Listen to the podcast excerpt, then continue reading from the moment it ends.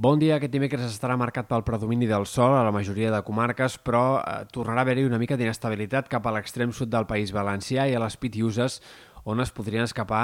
alguns ruixats curts però intensos, sobretot de cara a la tarda. Les temperatures al migdia mantindran el to suau, confortable per l'època, poden baixar una mica les màximes, però no hi haurà canvis significatius, com tampoc hi seran de cara a les pròximes jornades. Sí que l'augment dels núvols pot fer baixar una mica les temperatures diurnes durant el cap de setmana, sobretot al Pirineu, que és on més es notarà aquesta baixada del termòmetre, però no esperem que arribi al fred d'una forma decidida, com va passar, per exemple, al final de la setmana passada. Ni a curt ni a mitjà termini hi haurà un descens marcat de les temperatures i especialment les nits mantindran un to bastant suau, bastant confortable per l'època. És possible que més a llarg termini, a mitjans del mes d'octubre, cap al final de la setmana que ve, hi hagi una baixada més contundent de la temperatura, però això encara és poc clar i no tots els models de previsió apunten en aquesta direcció. Pel que fa a l'estat del cel, els pròxims dies hem d'esperar més inestabilitat. Demà els ruixats guanyaran protagonisme sobretot al País Valencià i de cara al vespre, nit, eh, podrien també eh, començar a aparèixer en sectors de les Terres de l'Ebre, pluges intermitents, però que en alguns casos, sobretot a prop de mar, al voltant del Delta de l'Ebre, podrien arribar a acumular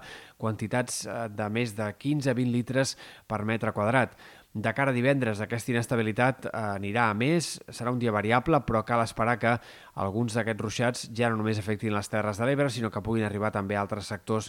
de la costa, sobretot punts de la Costa Daurada o fins i tot altres indrets de la costa central o de la Costa Brava, tot i que com més al nord, més aïllats, més puntuals seran aquests ruixats. També divendres a la tarda cal esperar alguns ruixats cap a sectors del Pirineu, però sobretot serà dissabte quan la inestabilitat es manifestarà d'una forma més clara en comarques interiors. Al cap de setmana els ruixats pràcticament abandonaran la costa i en canvi dissabte a la tarda cal esperar alguns xàfecs que puguin deixar quantitats significatives cap a punts del Prepirineu, Catalunya central, al voltant del Montsec i també en altres sectors del Pirineu el temps serà molt insegur i amb ruixats intermitents. Diumenge aquesta inestabilitat anirà de baixa. Esperem que els ruixats siguin més puntuals i més concentrats al Pirineu i en general el cap de setmana no ha de ser gris, sinó més aviat variable, canviant i amb cel mig ennublat i amb aquests ruixats que aniran apareixent com hem comentat.